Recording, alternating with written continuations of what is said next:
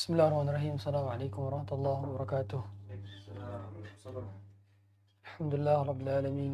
Wassalatu wassalamu ala nabiyyina Muhammadin wa ala alihi wa sahbihi wa sallama tasliman katsiran. Amma ba'd. Jadi sekalian dirahmati Allah Subhanahu wa taala. Alhamdulillah kita bersyukur kepada Allah diperjumpakan kembali setelah vakum majelis kurang lebih sepekan ya. sepekan atau dua pekan daripada kita. Maka insya Allah Alhamdulillah malam atau sore hari ini kita melanjutkan kembali pembahasan di dalam 10 kaidah dalam penyucian jiwa menurut Syekh Abdul Razak bin Abdul Muhsin Al-Badr. Masuk di kaidah ke 6 mengenai kaidah penyucian jiwa adalah dengan kelima. Kelima keenam kemarin sekarang kelima. Sekarang. Kelima. Kaidah kelima adalah membersihkan dari segala keburukan dan memasukkan hal yang baik. Jadi ada kaidah takhliyah. Takhliyah. Takhliyah itu artinya mensucikan segala kotoran. Kalau tajalliyah itu adalah mensucikan dengan memasukkan kebaikan-kebaikan. Dan hakikat daripada tazkiyatun nufus dua ini.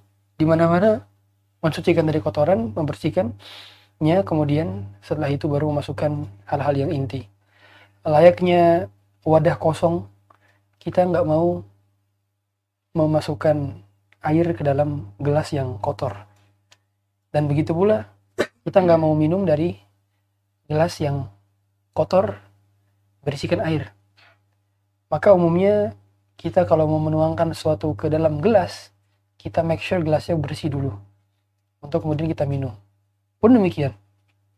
Kebaikan-kebaikan umumnya tidak akan bisa masuk ke dalam hati kalau di hati tersebut masih ada kotoran masih ada penyakit masih ada virus dan ternyata virus yang paling utama adalah tiga yaitu virus kesyirikan virus kebid'ahan dan virus kemaksiatan. Tiga ini yang kata Syekh Salih Al-Utsaimin wajib dibersihkan oleh kita. Tiga dosa yang besar adalah dosa kesyirikan dosa kebid'ahan dan dosa kemaksiatan. Dan umumnya hati itu akan menjadi mengeras ketika si pelakunya berbuat dosa.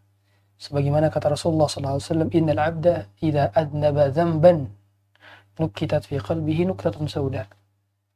Seorang hamba kalau berbuat dosa maka bercokolah dalam dadanya satu nokta hitam.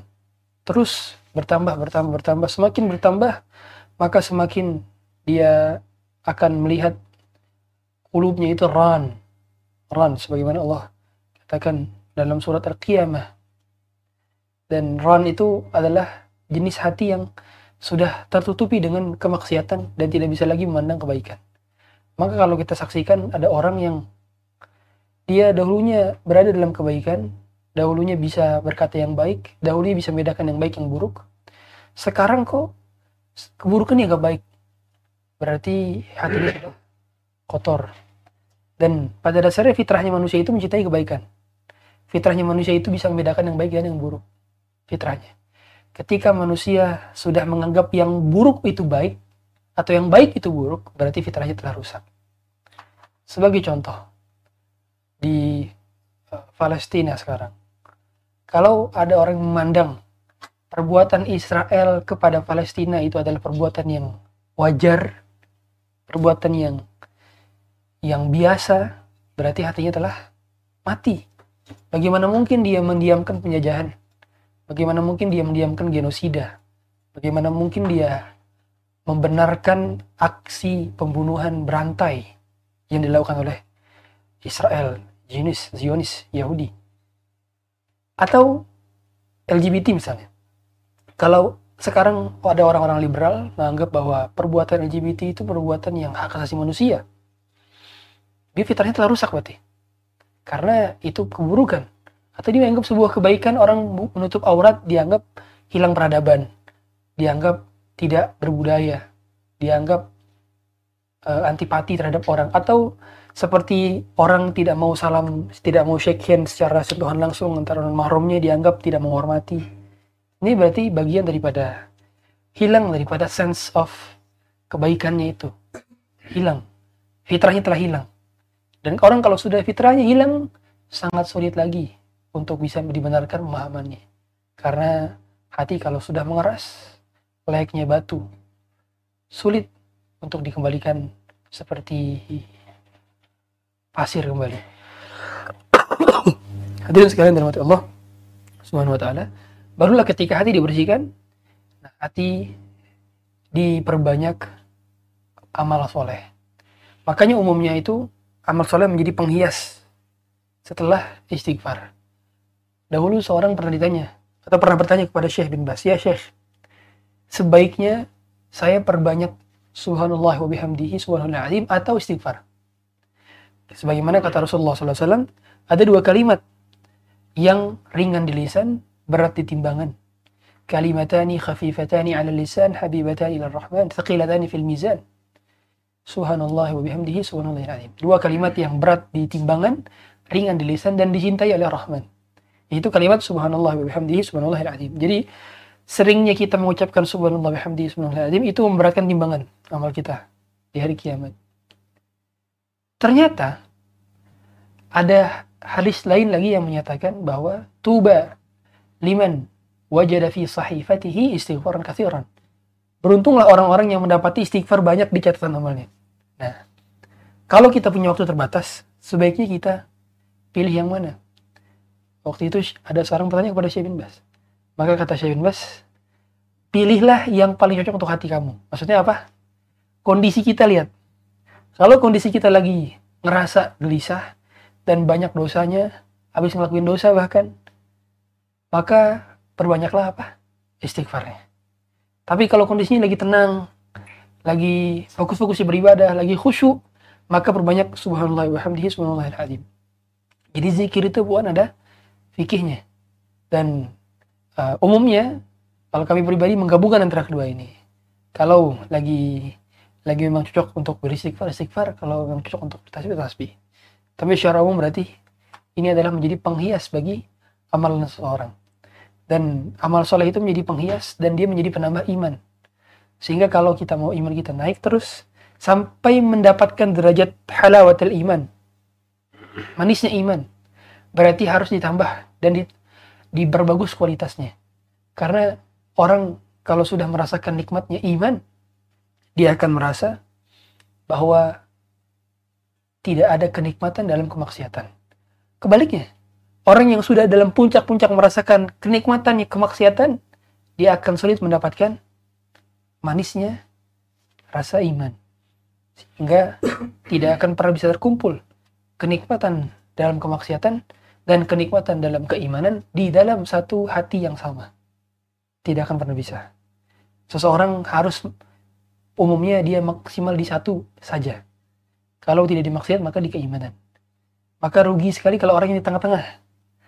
Kebanyakan kita di tengah-tengah.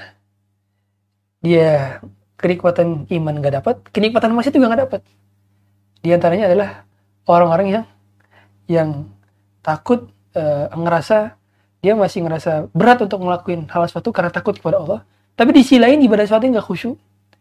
Di sisi lain dia nggak mendapatkan kenikmatan dalam ibadahnya, maka rugi sekali. Makanya mengapa menjadikan ibadah itu bukan sebagai beban. Makanya dalam dalam dalam dalam agama kita kita dituntut untuk beribadah itu bukan cuma sekedar karena menjalani kewajiban. Alhamdulillah sudah sholat, alhamdulillah sudah bayar zakat, alhamdulillah. Cuma sekedar kewajiban tok, udah. Padahal ibadah itu lebih daripada sekedar itu. Ibadah adalah hubungan romantis kita dengan Tuhan. Ibadah itu adalah proses kenikmatan yang sedang kita rasakan. Itu ibadah. Dan pada dasar ibadah adalah ketundukan, kepatuhan, kerendahan hati, ketawaduan kepada Allah. Sehingga maksud daripada orang yang beribadah dijadikan sebagai beban saja, terlihat dari apa? Dari gerak-geriknya ketika sholat, dari gerak-geriknya ketika puasa, dari gara-gara ketika dia haji atau umroh dari gara-gara ketika dia uh, bayar zakat dan seterusnya kelihatan dia merasa terburu-buru makanya saya sering sampaikan kepada jemaah umroh itu ketika sedang tawaf sedang sa'i itu nggak perlu buru-buru kita menikmati prosesnya karena setiap langkahan kaki itu berarti mengukuran pahala dan menambah eh, mengukuran dosa dan menambah pahala sebaliknya Rasulullah SAW menjadikan sholat sebagai kurutu'ain, penyejuk mata. Kenapa bisa? Karena beliau menikmati sholatnya. Dan inilah yang menjadikan beliau Sallallahu Alaihi Wasallam meminta kepada Bilal, ya Bilal, arihni bis sholat. Wahai Bilal, istirahatkanlah kami dengan sholat. Jadi healingnya ternyata Rasulullah SAW adalah sholat. Healingnya sholat. Dan inilah maksud daripada tajalli Nah, kalau hati sudah bersih, hati sudah terisi dengan amal soleh, sudah hilang dari penyakit-penyakit hasad, dan sudah hilang dari penyakit-penyakit dengki, sudah hilang dari suuzon kepada Allah, sudah hilang sifat takabur dia kepada makhluk, maka dia akan mendapati halawatul iman. Halawatul iman, manisnya keimanan. Hadirin sekalian dirahmati Allah Subhanahu wa taala. Kemudian masuk kita ke kaidah ke-6 di mana yang dapat menutup pintu mengeluarkan seorang dari kesucian jiwa, menjauhkan dari keutamaan dan menjerumuskan ke dalam kehinaan. Maksud daripada ini, kalau orang sudah merasa bahwa dirinya jauh dari dosa dan dia terus-terusan melakukan amal soleh, maka dia cara memaintainnya adalah menghindari segala macam yang menjerumuskan kepada dosa tersebut dan mendekatkan kepada segala macam faktor yang mendekatkan dia kepada amal soleh. Contoh, orang sudah istiqomah nih di jalan. Dia tahu kalau dia gaulnya sama si A, dia akan mudah untuk uh, bermaksiat lagi hal yang sama yang dulu dilakukan. Maka dalam kondisi semacam ini dia menghindari pergaulan dia atau menghindari intensitas dia bertemu dengan si A. Atau misalkan dia begini, dia tahu dia udah istiqomah nih. Kalau dia sendirian di kamar, dia menyebabkan dia futur dan menyebabkan dia bermaksiat di kamar sendirian. Maka dia nggak di kamar sendirian. Jadi ada kaidah min fiqhil abdi an yata'ahad imanah mata zdada wa mata tanqisa dia tahu kapan imannya naik, kapan imannya turun. Di antara cerdasnya seorang hamba, dia tahu kapan imannya naik, kapan imannya dan apa penyebab imannya naik, apa penyebab imannya turun. Dia tahu. Di antara kecerdasan seorang hamba. Sehingga kalau kecerdasan kita itu bukan dari IQ. Bukan. Dia tahu nih kapan dia imannya naik dan penyebabnya apa saja yang menyebabkan imannya naik. Oh, saya imannya naik nih kalau kajian sama Ustaz Abdurrahman Zahir di Tikum. Maka saya terus-terusan hadir pas kajian. Karena pas saya di sana iman saya naik misalkan gitu. Oh, akhirnya dia saya dawamin terus. Oh, saya imannya turun kalau misalkan saya eh, nggak uh, kajian atau misalkan saya uh, ke tempat suatu tempat yang inilah yang di mana di situ banyak kemudorotan maka dihindarin ke tempat itu intensitasnya nah dia kalau sudah tahu semacam ini maka dia akan mudah untuk mengontrol hatinya untuk supaya istiqomah. Karena memang istiqomah itu perkara yang berat. Makanya sampai ada perkataan ulama, al istiqomah itu khairu min alfi karamah. Istiqomah itu lebih baik daripada seribu keramat. Lebih baik daripada seandainya ada orang dia bisa terbang, bisa jalan di air, dia bisa macam-macam keramatnya banyak. Maka ini tidak lebih baik daripada satu keistiqomahan. Maka istiqomahan itu nggak akan bisa didapatkan kecuali dengan pertolongan Allah. Sampai-sampai Rasulullah mengatakan istaqim walan tuhsuh. Istiqomahlah dan kamu tidak akan pernah bisa istiqomah. Katanya gitu. Karena emang sulit untuk bisa beristiqomah. Istiqomah itu apa? Kesesuaian antara lisan, pikiran, dan hati. Itu istiqomah. Dan istiqomah mana kedua adalah terus-terusan berada di dalam yang benar Sampai kapan? Sampai mati. Kalau besok mati, maka sampai besok saja. berarti istiqomah itu nggak lama dan memang uh, susahnya istiqomah adalah ketika kita memaintain ucapan dan perbuatan sulit ini yang paling sulit karena terkadang apa yang kita ucap tidak sesuai apa yang kita perbuat dan terkadang apa yang kita perbuat jauh dari apa yang kita ucapkan makanya istiqomah ini diminta di antara doa yang meminta istiqamah adalah Allahumma hdini wa saddidni. Itu doa yang dipakai Rasulullah SAW. Allahumma hdini wa saddidni. Wa saddidni itu ya. Ya Allah, berikan aku hidayah dan luruskanlah aku sadid. Jadi sadid bukan syadid ya, tapi pakai sin, sadid, wa saddidni, luruskanlah aku. Karena kita bisa baik itu karena Allah. Bukan karena kita cerdas, bukan karena kita punya uang, kita bisa menjadi orang baik karena Allah. Dan kita bisa ngelihat orang kok ada yang baik, kok orang ada yang sebaik ini. Mungkin kita pernah ketemu, kok orang ada sebaik ini ya, gitu. Ada. Ah, ingat, yang buat dia baik itu Allah. Allah katakan walau la fadlullahi alaikum wa rahmatuhu ma zaka minkum min ahadin walakin Allah yuzakki man yasha. Kalau bukan karena rahmat Allah dan keutamaannya, walau la fadlullahi alaikum wa rahmatuhu dan rahmat dan kasih sayangnya ma zaka minkum min ahadin abadan ini saya tidak ada orang yang baik di muka bumi ini walakin Allah yuzaki ma yasha tapi Allah lah yang membuat baik siapa pun yang Allah kehendaki baiknya kita kepada orang dan baiknya orang kepada kita itu murni karena Allah yang buat dia baik dan buat kita baik sehingga ketika ada perbuatan baik orang lain kepada kita kita lebih dominan mengucapkan terima kasihnya ke mana-kemana? Ke orang tersebut atau ke Allah? Ke Allah tentu. Karena Allah yang buat dia baik. Tentu kita terima kasih kepada dia. Karena uh, uh, apa? Tidak berterima kasih kepada Allah siapa yang belum terima kasih kepada manusia. Ya. Uh, oleh karenanya berterima kasih juga kepada kepada manusia tersebut yang berbuat baik kepada kita. Oleh karenanya penting untuk kita Berarti tahu, mengetahui apa saja wasilah menuju kebaikan, wasilah menuju keburukan. Wasilahnya dikat, karena gini teman-teman. Ketika kita melakukan dosa, let's say dosanya di Z. Kita nggak mungkin ujung-ujung ke Z.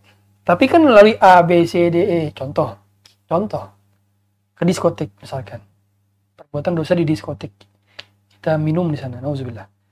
Nah, ujung-ujung orang nggak nggak apa namanya nggak sangat sangat mustahil mungkin bisa dikatakan dia habis pulang sholat jumat tiba-tiba langsung kebar mampir nggak nggak ada angin nggak ada hujan tiba-tiba mampir nggak mungkin pasti ada tahapan-tahapannya misalkan dia jadi temannya atau dia apa namanya dia punya uang ada wasilah-wasilahnya ada kesempatan dia ngelihat tiba-tiba ada flyernya misalnya dan seterusnya ada ada wasilah-wasilahnya Nah, kalau kita tolak wasilahnya dari awal, berarti apa?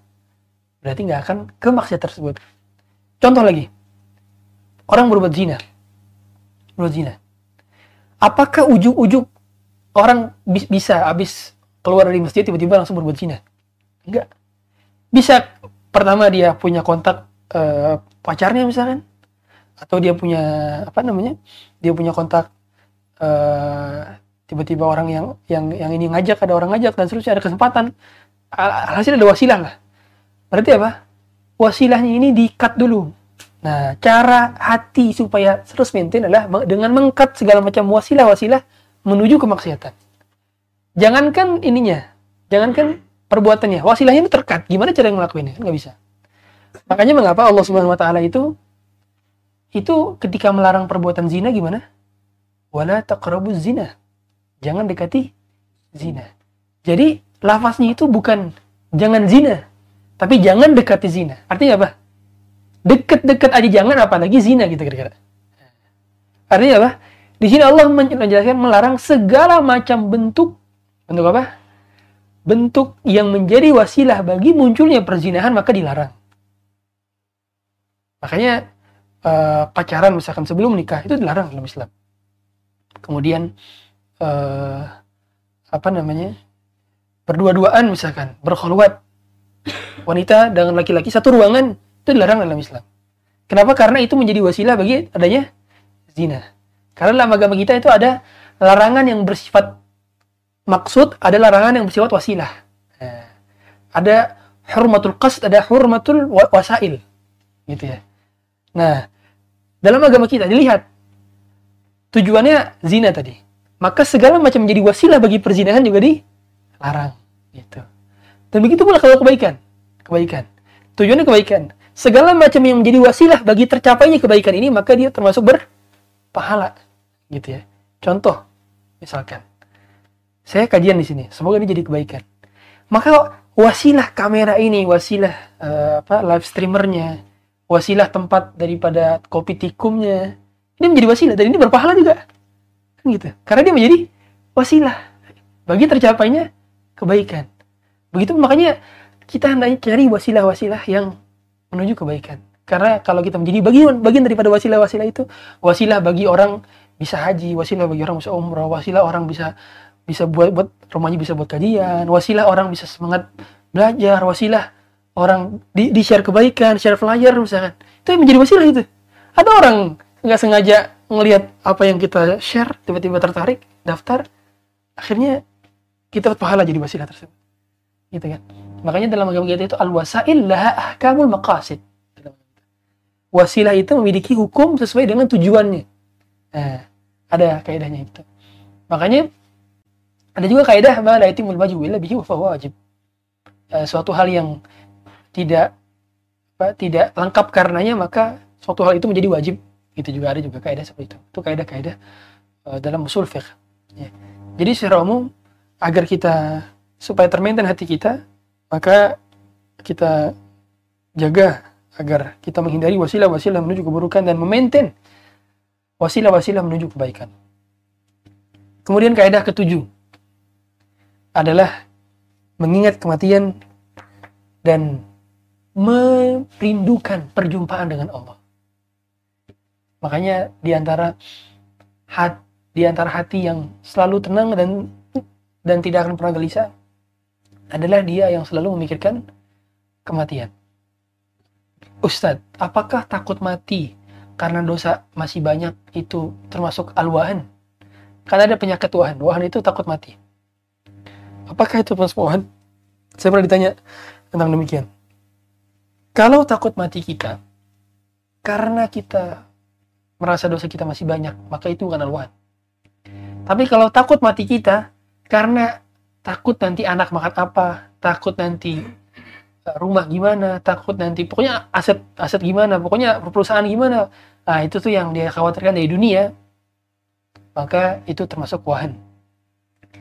Makanya kenapa kata Rasulullah SAW, aksiru lazat. Perbanyaklah mengingat pemutus kelezatan. Maksudnya apa berarti? Kematian. Cara kita mengingat belasan gimana caranya? Sering-sering ziarah kubur. Nah ingat, tapi ziarah kubur itu tujuannya cuma dua.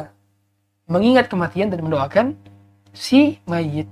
Bukan minta-minta di kuburan. Ya, kebalik. Karena kuburan itu tempatnya orang yang sudah tidak lagi bisa beramal.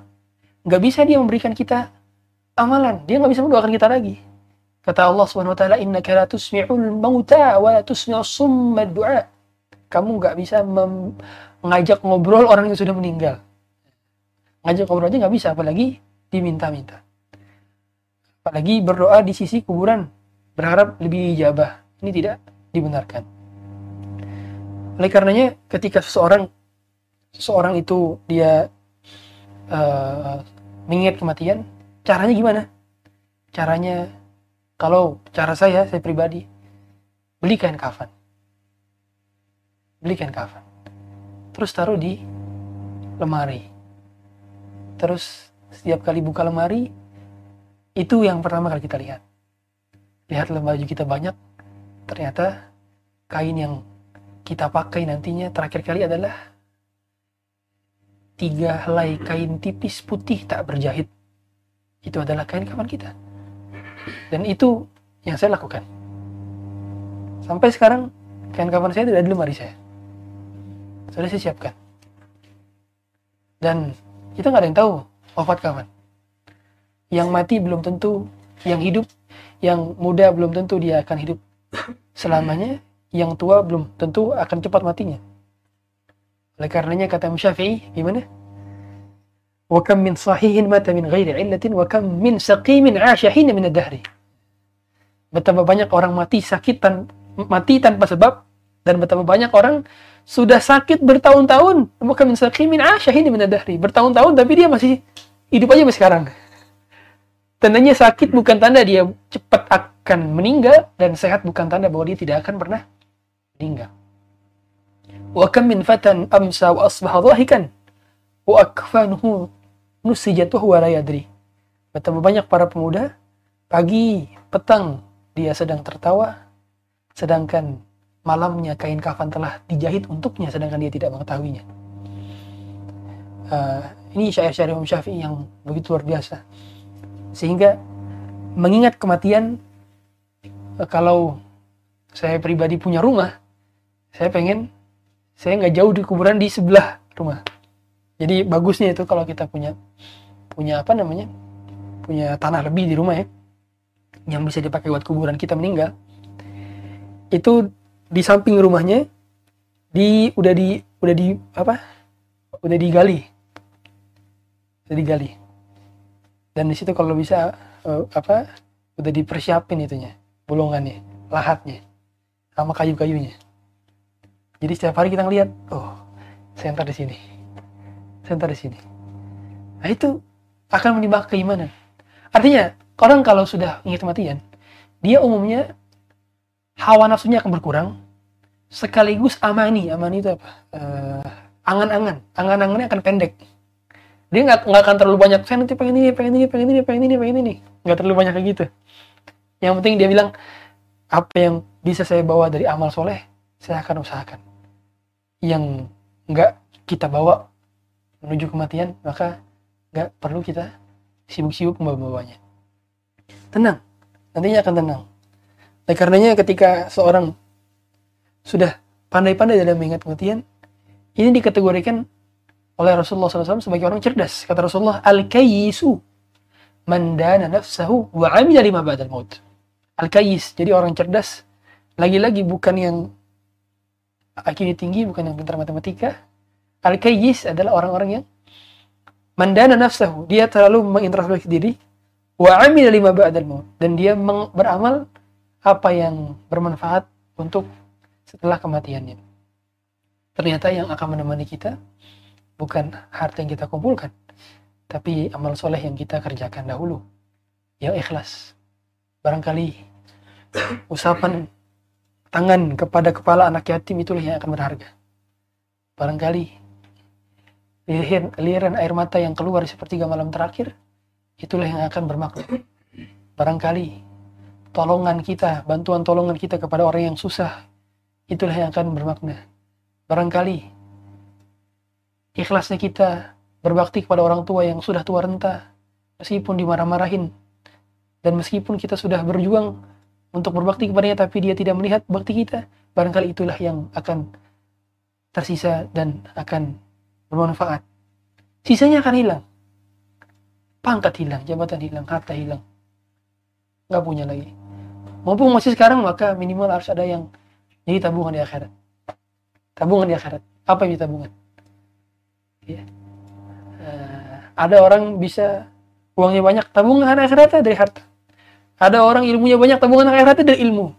Ada orang tabungan akhiratnya dari dari sekedar bisa dia misalkan dia hanya bisa menge-share saja.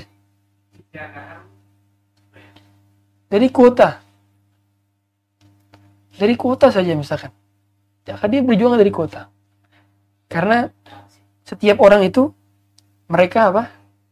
Mereka itu berjalan di kotaknya masing-masing. Kulun ya'malu ala syakilatih. Kata Allah dalam surat Al-Isra. Kulun ya'malu ala syakilatih. Setiap orang itu bermain di kotaknya masing-masing. Kalau saya nih mainnya di kotak apa? Ya, maka semoga saya apa eh, kebaikan-kebaikan yang bisa saya dapatkan dari semua hal semacam ini. Atau ada ada orang kebaikannya dari dari bisa bisa apa bisa apa bisa desain bisa mengajak orang bisa buat majelis taklim atau bisa buat tempatnya disediakan. Saya bisanya ini. Nah kulun syakirati setiap orang bermain di kotaknya masing-masing. Saya ingat banget perkataan salah seorang ustadz. Setiap orang bermain di kotaknya masing-masing. Ini perkataan apa? Ini perkataan Allah dalam Quran. Cuman diartikannya demikian bagus sekali. Jadi tidak perlu risau. Kalau kita merasa saya udah 50 saya udah 60 saya 70 apalagi. Saya sepertinya nggak bisa Ustaz kalau belajar dakwah lagi. Anda nggak perlu jadi Ustadz semua. Kalau semua jadi Ustadz siapa jemaahnya? Iya. Kalau semua jadi Ustadz terus saya jadi, jadi apa dong gitu. Makanya nggak perlu. Kulun yang dari syakilati bermain di kotak masing-masing uh, ada demikian kita tenang dan kita bahagia bahwa amal kita akan aman Allah jamin nanti di hari kiamat bagi siapa saja yang merasa bahwa amal solehnya itu diterima di sisi Allah Subhanahu wa taala. Mungkin demikian yang kami sampaikan. Kurang lebih mohon maaf. سبحانك الله بحمدك أشهد أن لا إله إلا أنت أستغفرك وأتوب إليك. السلام عليكم ورحمة الله وبركاته.